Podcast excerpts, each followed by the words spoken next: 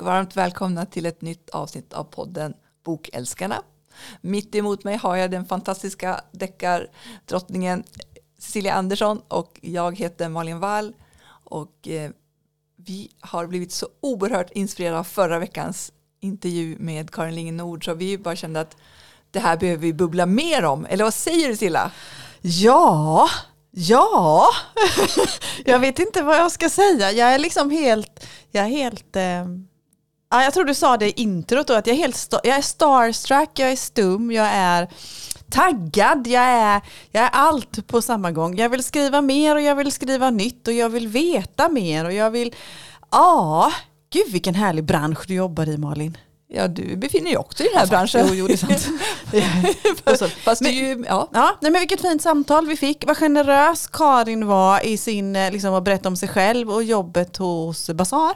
Ja, men alltså, jag, ser som du sa nyss, jag känner mig också starstruck. Jag har ju träffat henne flera gånger mm. och alltså, pratat med henne massa gånger. Men det jag känner, både jag och du och hon har gemensamt, är att vi brinner för något vi håller på med. Ja. Man märker hennes kärlek till litteratur och författare och böcker. Mm. Så det är inte så konstigt att hon faktiskt är en av Sveriges bästa förläggare skulle jag säga. Nej, jag förstår det. Jag förstår det. Eller håller jag, du inte med mig? Jo men gud ja. Nu kan jag, men jag är för dåligt insatt, jag har så svårt men liksom, jag har fått, Det finns ju massa andra bra ja, såklart. Ja. Men jag tror att den intervjun gjorde både mig och våra lyssnare mer upplysta om vad en, vad en förläggare faktiskt gör och vilket eh, ansvar de har och hur, hur, viktigt det är med, de, med ett yrke som förläggare och att jobba på förlag överhuvudtaget. Vilken liksom roll de här förlagen faktiskt spelar för oss som, som läsare. Ja men också lite grann som hon sa, eller alltså, hon berättade, nu hoppas vi att ni har lyssnat på förra avsnittet. Så vi ja, det förutsätter vi. Det förutsätter vi. Men alltså att vilken enorm apparat det är mm. kring en författare. Mm. Och vilket jobb ett förlag lägger ner ja. på eh, sina författare. Och vad man månar och hur man, alltså jag menar, jag tänker, hon börjar hitta det här manuset mm.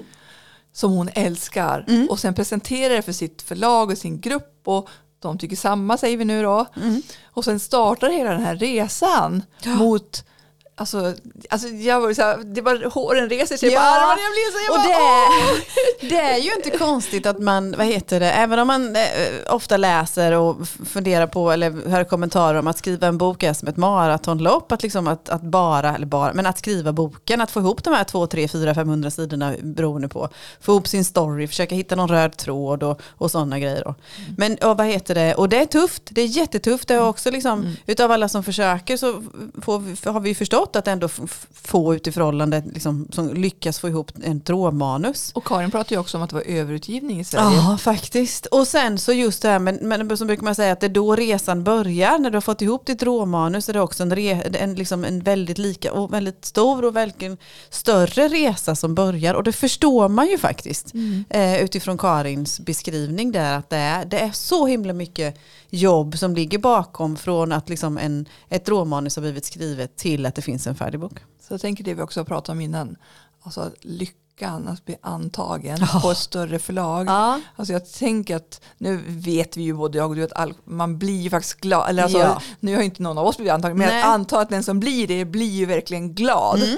Så då, det är, men det är det ju. Lycka, alltså lycka och en lyx ska jag säga. Jo det är klart att det är. Och sen, vad heter, sen, sen märker väl jag som ståkar både alla sorts människor i bokbranschen, författare och bokstagrammare och förlag och allt vad sjutton det är. I min iver att lära mig mer förstås. Ja, ja, ja. Den här respekten växer. Men också att, vad heter det, att man som författare när man ligger på ett etablerat förlag att man också faktiskt fortsätter att uppskatta den känslan. Jag fattar att det också blir vardag. Det blir också vardag säkert att skriva böcker och ha kontakt jag med tänker, förlag. Då kommer man vara ny, då kanske det blir mer så krav. Ja, tänker jag, om man, när du har skrivit din femtonde bok ja. och har sålt några miljoner. Ja. Då tänker jag kanske mer så här, hur ska jag uppnå igen? Ja, precis. Men att man även känner liksom att man ändå är en, någon som är utvald ja. på något vänster och sådär. För så som hon sa också, att hänger man inte i, håller inte författarskapet på vägen, då kan det bli jobbigt också. Så det gäller verkligen att ta vara på sin plats. Jag tänker också det att vi har ju alla våra berättelser inom mm. oss, men en författare så har ju också, och alla kanske inte, berättelser har kanske inte sin plats Nej. heller. Nej. Och då måste man skriva något nytt. Ja. Och det är ju en del av det jobbet. Ja, oh ja. Tänker jag. Oh ja. Och det kan man Utveckling välja. också. Ja, oh, ja, precis. För det kan man ju välja att se hur, hur det är. Så vad heter det? Att antingen så bryter man ihop för det och tycker att det är jättejobbigt att ens liksom nästkommande manus inte håller. Eller så får man ju se det som att ja, men det jag skriver mig framåt någonting bättre. För menar, det är ju det också som hon Karin sa att alla manus har ju eller menar, de jobbar med utgivningsplaner, alla förlag. Och då kan man ju inte ha två manus som är likadana. Nej. Och, och då kanske det är därför man kanske blir antagen på ett annat förlag sen istället. För då, Ja. på deras lista passar utmärkt. Ja. Men inte just kanske på Basage nu då som vi Ja, pratar om. precis. Så, Sen är det spännande och vad heter det och, och där kan jag känna mig lite tvetidig när man pratar om att det är överutgivning till exempel vilket då jag tolkar det som att man ger ut mer böcker än vad som faktiskt marknaden vill ha eller mäktar med eller på så vis då att det är fler böcker som konkurrerar med varandra. För det vi ju inte fråga henne ordentligt nej, om. Nej, liksom, men om, om vi tolkar det då att Ja. det är liksom en överutgivning är att det kommer ut fler böcker än vad marknaden egentligen tål vilket gör att även böcker som är olika Som är genrer. bra egentligen. Ja, precis. Gud ja. Bra böcker i olika genrer som ändå konkurrerar med varandra för att man som läsare ändå har sitt, Mm. ett visst antal man köper eller lånar eller vad det nu man gör då. Vilket då liksom ur mitt, författar, mitt halva författarhjärta är ju lite synd då liksom, så för då blir det ju ännu svårare att komma in till de här exklusiva platserna. Men jag tänker också, det pratar vi också om kvalitet. Ja, det är jätteviktigt. Eh, Och då tänker jag att då kanske det är så att Då är jag som läsare, alltså min andra halva Ja. av hjärtat, jätteglad för att det finns ett filter. Ett, ett kompetent, eh, starkt och bra filter som gör att det inte liksom vad som kommer ut. Då. Jag menar, hon pratar ju också om den förändrade bokmarknaden. Att, och det har vi ju sett, det har jag och du pratat också om innan, och ljud versus inbundet Ja. och fysiska böcker. Och, och jag förstår att de, det är som hon säger, man vet ju inte vad som gäller längre. För, för spelplanen är helt annorlunda Ja. än för fem år sedan. Ja.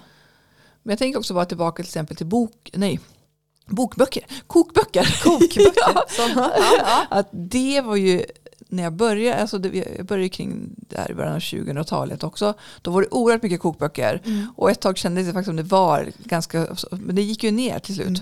faktiskt. Så det blir ju väl en själv, vad heter det, självutrensning. ja. Att man inser att alla insäljer. Och det, jag menar, det är det. Litteratur ska ju läsas och lyssnas på.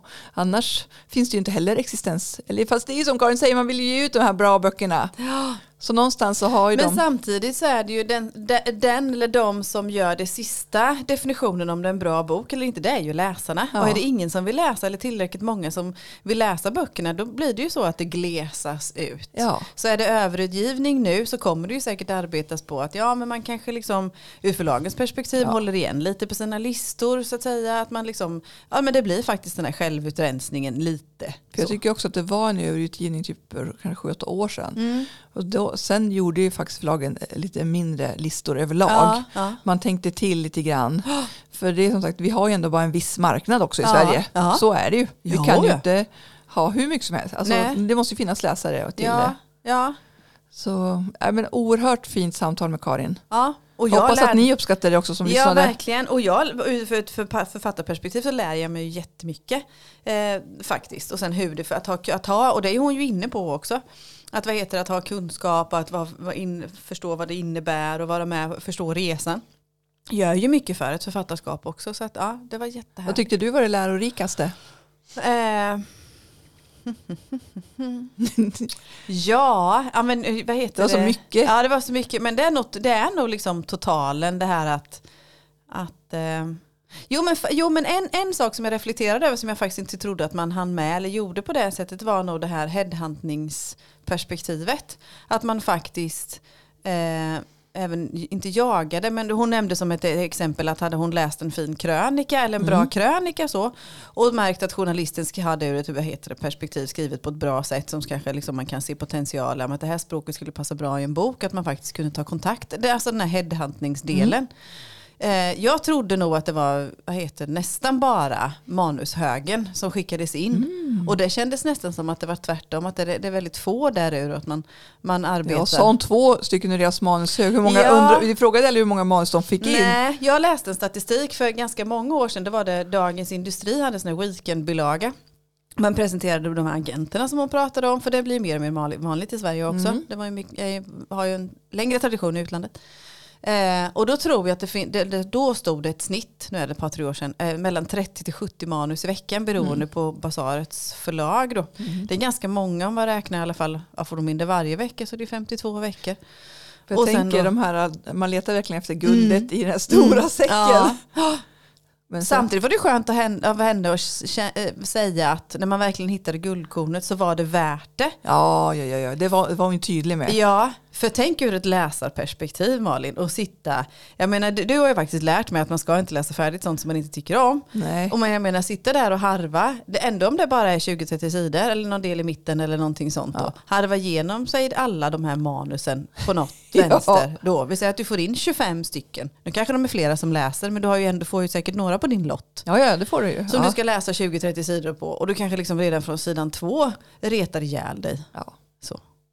Mm, Ja, det är snyggt. Det är intressant. Den tyckte jag var jätteintressant, just det perspektivet att man, man faktiskt eh, även håller koll på marknaden utifrån andra perspektiv. Jag tycker också det är intressant med de här utländska, Mm.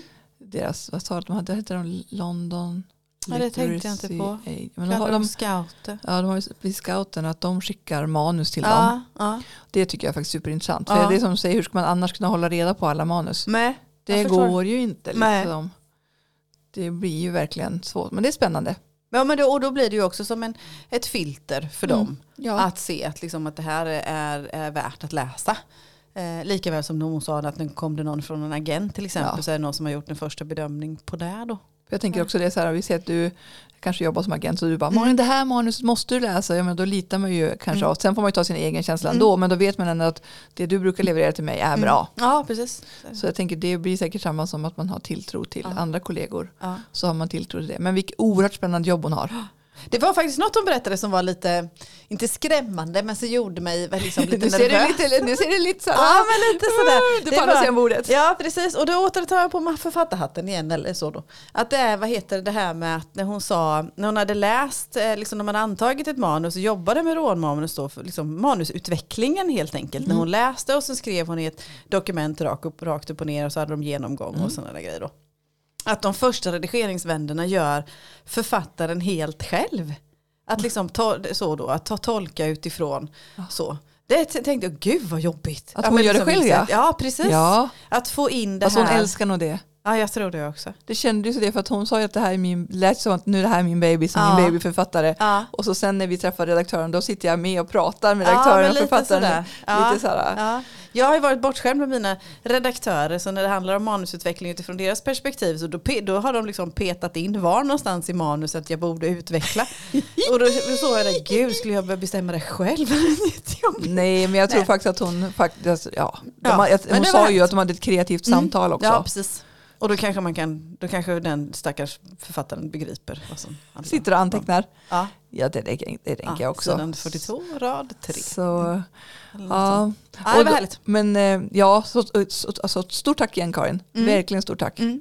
Och Vilket inspirerande samtal. Vi vill Mm. veta mer bara. Ja, vi vill veta jättemycket, jättemycket. Och det var lite kul, vad heter det, eftersom jag hade, eh, dagen innan vi pratade med henne så hade jag ju liksom tittat lite på förlagsstatistiken. Ja, Ja, får jag, får jag älta ja lite? precis. Jag tänker, nej, men grejen var att vi hade ju pratat om att, men jag har, har inte hunnit läsa Nej, den. nej, och jag har inte nagelfarten på Nej. det sättet eller så då. Men jag, det är klart man får ju mer förstå, förståelse.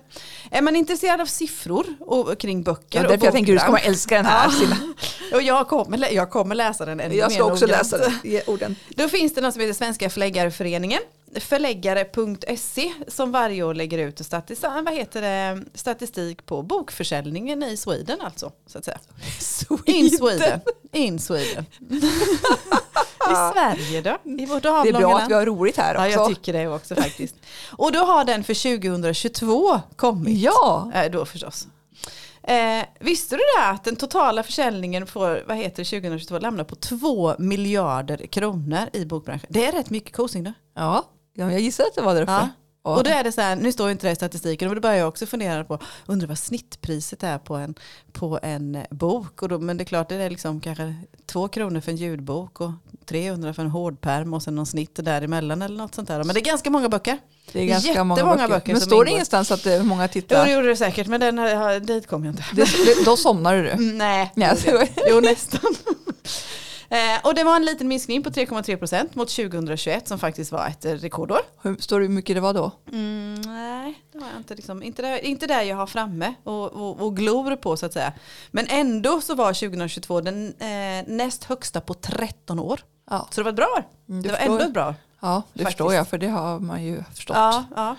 Men utifrån, om vi då ska koppla ihop det med Karins bransch, alltså Ja. ur förlagsbranschen, så, så förstår jag än mer att de har liksom utmaningar på så vis då.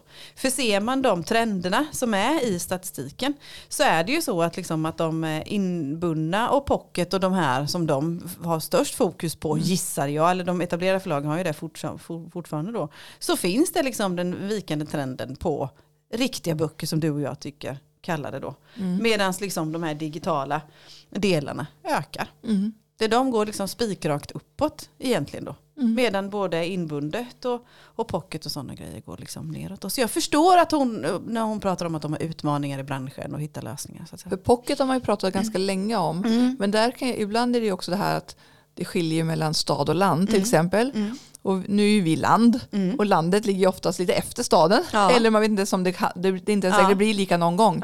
Eh, för jag tänker också, pocket har man ju tack, eftersom under pandemin till exempel så var ju flygplatserna nästan stängda Ja. och jag tänker, och man åkte inte tåg så jag tänker där, det är inte konstigt att man har tappat på pocket Nej, tänker jag. nej. Sen är det inte jättemycket. Alltså så. Det är en liten, det är en vik, Mm. vikande, liten vikande trend. Sen är liksom inte den jättestor i alla fall. Så man, närmare plan i alla fall. Jämför man mot, mot eh, 2010 så låg den strax över 200 miljoner. 250 ungefär. Det är, ingen, Mm. det är inte diagrammet detaljerat. Medan nu kanske den ligger på 190.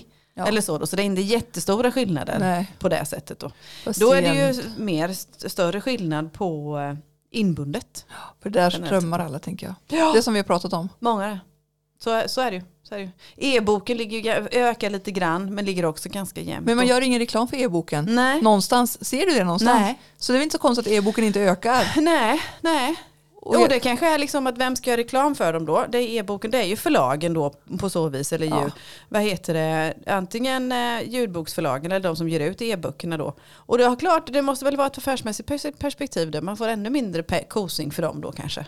Jag vet inte. Jag vet inte hur affärsmodellen ser ut där. Men jag gissar det, för det, det, liksom, det borde vara enklare att vad heter det? Det borde ju vara enklare att framställa en e-bok än vad det är en ljudbok till Ja, exempel. det är bara att klicka in den Ja, i. precis. En ljudbok kostar mer pengar eh, att göra och därför liksom vill du trycka ut den och få så mycket intäkter som möjligt därifrån också. Då. Men det här är vi tillbaka till det vi har pratat också förut. Mm. Att eh, i utlandet där köper man ljudböcker styckvis. Man Mm. köper e-böcker styckvis. Mm.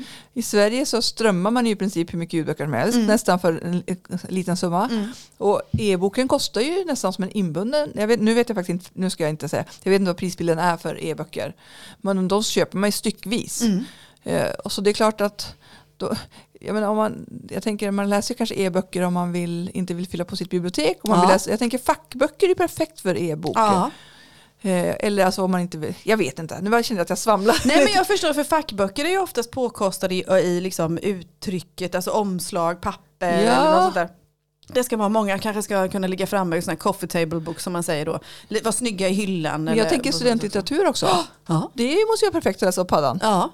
Eh, Fast, Ja, jag, fast tycker- jag tycker ju alltid om fysiska böcker för att Ja, man kan men du- vika och lägga in lappar. Ja, och, men men du- vi är uppvuxna med det. Ja, jo men så är det ju. Så är ju, ja. Eh, något som jag tyckte var extra intressant var just fördelningen. Och nu pratar vi totalt liksom antal försäljning. Då pratar vi både fackböcker och skönlitteratur och, och annat eller så. Då. Men att vad heter den här förändringen på fördelningen på kanaler Ja. eh, så överhuvudtaget då. Och då har man tagit med från 2010 till 2021. Eller så. Mm. Eh, och ser man då på, eh, ja, men som er som bokhandlare till exempel så hade ni 2012 all time high Ja, på 33,6 procent utav liksom bokförsäljningen ja, på eh, marknaden. På marknaden ja. Ja. ja. Medan nu då så är det eh, 20 procent. Ja. Sen är ju alltså, utifrån, gör man den, alltså det har minskat då med ett- 13 procent, det är ju skittråkigt. Ja. Men en femtedel är ändå en femtedel av marknaden som Ja. bokhandlarna har. Så att jag hoppas att eh, du, både du, det vet ni vet ju, Ja. men alla dina kollegor klipper tag i den här femtedelen och verkligen förvaltar den och försöker utveckla den så att vi fortsätter med det. Då. Jag tänker också, där har egentligen också hela branschen ett ansvar. Mm. Vart vill man att ens böcker ska Mm. vara med? Men Mm. det är också frågan hur länge tycker att Mm. hur länge vill man ge ut fysiska böcker? Mm, Det är ju precis. det som jag är rädd, Ja. rädd för. För däremot internetbokhandeln Ja. minskar. Men För det var första ju, gången. Mm. Ja, men det var ju... Från jag, 21 jag till tror det är 22. en pandemiorsak. Man har, gått, Ja, kan det vara. Kan det Man har vara att gått man och handlade? köpt. Ja, man har eh, Ja. gynnat sina lokala butiker, Ja. om jag har förstått det rätt. Ja, för det är inte, men det är, liksom, det är en större nedgång än vad det har varit uppgång året innan. Mellan 20 till 2021 och som från 21 till 22. Ja. Så. Och sen är det, går det ju inte att komma ifrån att vad heter det, de digitala delarna ökar. Liksom bara, den första mätningen är 2015, då låg den på 9%. Nu ligger den på 35,9 då. Så det är, det är stort, stort som skrutt. Och så är det 35 procent mot 9. Mm. Är det 2012? Sa du? Nej, 2015 det bara. 2015. För det började man mäta där 2015, då låg det på 9%. Och 2022 på 35,9 då. Eh, så. Och det, det är många olika perspektiv. Jag kan ju se som ny författare och för, liksom, vad ska jag Mm. lägga mitt liksom, krut på, på så vis och sitter och tittar liksom, var ska jag gräva någonstans. Det Ja. vet vi ju alla liksom, ur, ur försäljningsteori att man ska gräva där störst möjligheter finns att säga. Ja. Eh, och det beror ju på precis att jag menar störst möjligheter att nå ut enligt de här siffrorna, ja, men då skulle det vara de digitala återförsäljarna då så att säga. Men å andra sidan så det är ju inte där som man som författare får någon pengar över. Så att, ja, det är spännande. Det, menar det, det är faktiskt en jätteviktig diskussion. Jag tycker också att jag kan, jag kan ju hoppas att förlagen pratar om det här. Jag hoppas också att både Akademibokhandeln och Ugglan diskuterar det här också i, eh, Ja. i sina styrelser och Ja. med förlagen. Så man verkligen jobbar tillsammans. Ja. För det är ändå för liten bransch för att inte göra det. Nej, ja för fortfarande då så liksom, visst nu har väl internetbokhandlarna har väl eh, viss, viss del digitalt också då. Men eh, å andra sidan så bokhandlare, eh, fysiska bokhandlare och internetbokhandlare står ändå då för 46 47 procent av marknaden. Mm. Det är ganska mycket. Ja, det är mycket. Det är jättemycket. Mhm. Eh, så man har ju, någon, man har ju en, verkligen en stor spelplan att leka med. Ja. Och att arbeta med, att, som vi, ni som bokhandlare då, liksom att, vad får man istället? eh, Så, istället då. Just den här fysiska kontakten, storyn kring böckerna. Ja, du vet Ja, ja, ja. ja. Så. Men jätteintressant. Alltså, jag nördade ner mig ordentligt här i förhållande till liksom, eh, skönlitteratur är liksom det enda som eh, går upp. Faktiskt. Mhm. Gentemot barn och ungdom och eh, facklitteratur. Ja, det var Mm. precis det som vi sa för två avsnitt sedan, det här med barnlitteratur, att den Mm. går ner. Mm. Men hur mycket går ner? Kan du se det snabbt? nej, eller? nej, inte snabbt. Det är så, oh, vad heter det? Jag vill ju ha lite mer, fler streck på diagrammen. Det här är, Aha. liksom, det är 100 miljoner emellan perspektiven så jag törs inte chansa för mycket. Det är ganska Nej. mycket pengar i alla fall. Då. Så. Mm. Ja. Har du hittat mitt citat? Jag tror att jag är med med ett citat någonstans. Nej, det kollar jag inte på. Nej, Jag. Så, så har jag inte hittat. jag skojar bara. Det, det gör ingenting. Det är ingenting. Och sen var det ju det här som, eh, jag vet inte om jag var inne på, jo men det var ju för ett par avsnitt sett. För här finns det också med bland annat statistik på hur mycket snittet på en debut är i förhållande till tryckt materi- tryckta böcker och eh, ljud, vad Ja, heter det digitalt format. Om man säger. Drygt 2000. Två- Nu fattar jag inte. Nej men vad heter en debutant i Sverige, Ja, vad heter det, eh, som kom i snitt utifrån de här eh, olika. nu tänker jag 2000 sålda. Ja, Nu fattar stycken. Ja, 2000 jag bara- stycken jag. Vad, vad menar du med sålda. 2000? Ja, Alltså inbundna, fysiska exemplar. ja. Och, Ja. ja. Så. ja, men då har ju du typ nästan... Ja men jag är nöjd där. Jag är nöjd där. Och sen låg det närmare 5000 på vad heter det, eh, ljudbok till exempel. Mm. Om man är intresserad av liksom, hur, hur funkar det för en ny författare. Ja, det, det är vi ju eftersom... Ja, ja, jo, jag Vi håller på att baka jag dig. tänker att man som läsare kan också fundera på det. För många gånger som läsare, och nu tänker jag på mig själv innan jag började skriva böcker, då tror man att alla är Emelie Skepp. ja, Ja, men alltså liksom, nej, Ja. men man tror att den, när, man, när man läser bok fem av någon att de har liksom sålt superbra från första boken. Kan vi bära med oss att man gör inte det? Nej, men det är som jag brukar säga att oftast kan det ta typ så tre böcker. Mm. Jag tänker ett ganska gott exempel är Jakob Lindfors som vi har pratat om. Ja, Att han, han ja, men nu när han, har- hans tredje bok har kommit, nu börjar Mm. folk, och han har två pocketdar, Mm, mm. då börjar folk på något sätt så här, man, för många är ju intresserade av serier. Ja. Man vill läsa vidare om karaktärerna. Ja. Och då har, finns det två pocket, ja men då läser man dem. Ja. Nu väntar man på tredje pocket.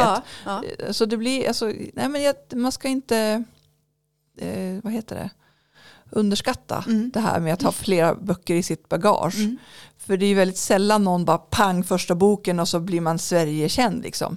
Nej, Nej, det är inte så. nej. Och jag menar Läckberg blev väl inte så känd på första Nej, boken. nej. Så det, det men- går ju någon skröna om att hon sålde 1300 exemplar av sin första eh, Ja, så att jag tänker, Isprinsessan eller på så och, Men det kom sen då. ja, Och det är klart, det förstår man ju ännu mer. utifrån vad heter det, Karins perspektiv där. Ja. Vilket jobb det är med, med vad heter det, PR och marknadsföring och rätta kanaler. Och, och kanske liksom, jag gissar, nu gissar jag Ja. så, men Camilla Läckberg var säkert en av de som sa att jag vill. Ja, jag vill ja. jättemycket. Jag, liksom, jag vill göra det här och jag vill göra det här. Och, liksom, och då blir det klart lättare att arbeta med. Det är ju inte alla författare som vill heller. Nej, jag tänker att en del kanske har bara en bok inom sig. Ja, För det har vi ju dy- dykt upp längs vägen. Ja, det men var det för har mitt bokhandelsliv att man bara shit vilken bra och sen kommer det aldrig något mer. nej precis. Och då var det ju så one, li- one book som verkligen Ja. var då kanske man inte som kunde komma ut med något mer manus. Nej, precis. det är ju Så. jätte- Och, och just det där liksom som, som, som personlighet, för då nämnde Karin också tror jag, att man, det beror beroende på hur hurdan författaren är som person. Mm. Att sälja in sig själv och sitt författarskap. Tycker man inte det är så kul så är det inte så sketans lätt. Nej, för idag handlar det ju ganska mycket om Mm. trots det Mm. som allt annat. Oavsett vad vi tycker om det så är det ju faktiskt. Ja, så det är ju, ja. Ja. Ja, jag tycker det var jätteroligt att läsa statistik. Jag ska fortsätta läsa den. För, för mig gör det jättemycket med att, eh, liksom i någon slags mikroformat, för, som Karin där, att, vad, vad ska man lägga sitt krut, vad ska man engagera sig, vad vill man? Och samtidigt då med någon slags hjärta. Så också då. Ja, Jag ska också grotta ner mig i den för det är alltid Ja, nyttigt att veta lite Ja. hur Mm. man ska tänka också framöver. Mm. Det är en föränd- allt förändras. Ja, Och det är inte bara bokbranschen utan Nej. allt. Så Ja. det gäller att hänga med. Och gäller att arbeta, ja, arbeta på helt Ja, enkelt. Så. det är ju... Ja. ja, men har du läst något bra nu då? Nej, Ja, men då kan jag berätta om jag har att- läst för länge statistik. Ja, jag vet. Och du har ju grottat ner dig i Doggyland också. Ja, jag vet. Så det, det, det får ju vara så. Mm. Och, och så försökte du läsa Neverwhere som Ja. jag hade vad heter det, Nu för. pratar vi om något annat. Ja, men då kan jag berätta om den jag tänkte berätta om. Ja, gör det. En riktigt, riktigt, riktigt härlig feelgood. Mm. Av, jag var tvungen att kolla vad hon hette och det var så liten text. Anna Charlotta Wikman. Jaha. Och boken heter För allas bästa. Mysigt. Alltså det här är återigen Lavendel Litt, också ett litet förlag som jag bara, alltså hon är så jävla cool Sofia Ja. Ejeheden. Alltså, Ja. ja. Nej men här är i alla fall debutant. Ja. Eh, Kul. Det är eh, eh, nutid, Mm. de är i fjällen, Mm. ett par. Eh, de är där och bor i, det är en kvinna som är huvudpersonen, jag kommer inte ihåg vad hon heter just nu. Men de är där, de åker skoter, de har två söner och i samma stuga bor också hans bror och fru på semestern då. Och hon hatar att köra skoter. Det är det värsta hon vet. Hon, tycker, hon älskar att åka skidor men inte skoter. Men här är så här skoter som är sådär shit, du vet liksom. Eh, Men en dag så åker man ut med skoter. Hon bara, nej men jag åker in till stan och tänker jag vill ha en spa-behandling. Ja. Så hon åker in till hotellet. Och så är det så här, nej man kan bara ha spa-behandling här om man bor på hotellet. Hon bara, okej, jag bokar ett rum till mig och min man så vi kan mysa lite. Mm. Men eh, visst låter det bra Silla? Det låter underbart. Ja. Jag är med, jag följer Ja, med. ja, så hon bara ringer och säger så här, jag har bokat hotellrum för oss ikväll så vi kan mysa bara vi har vi två. Så, ja, men, utan de andra liksom.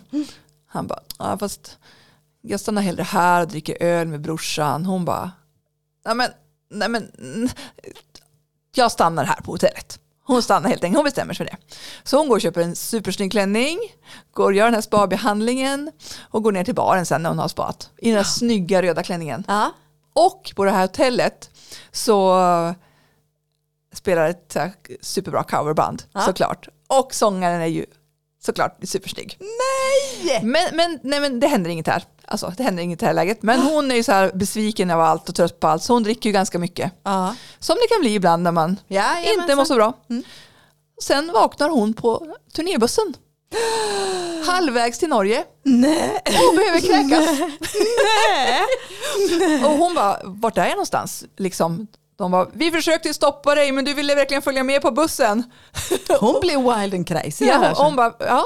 Så de stannar i bussen och hon kräks lite, sen hoppar hon på bussen för hon kan ju inte vända nu. Så hon följer med dem helt enkelt till Norge. I sin röda klänning. I sin röda klänning. Och då får hon också låna några fula bylsiga kläder på bussen där. Men sen tänker jag inte berätta mer. Men alltså stark debut.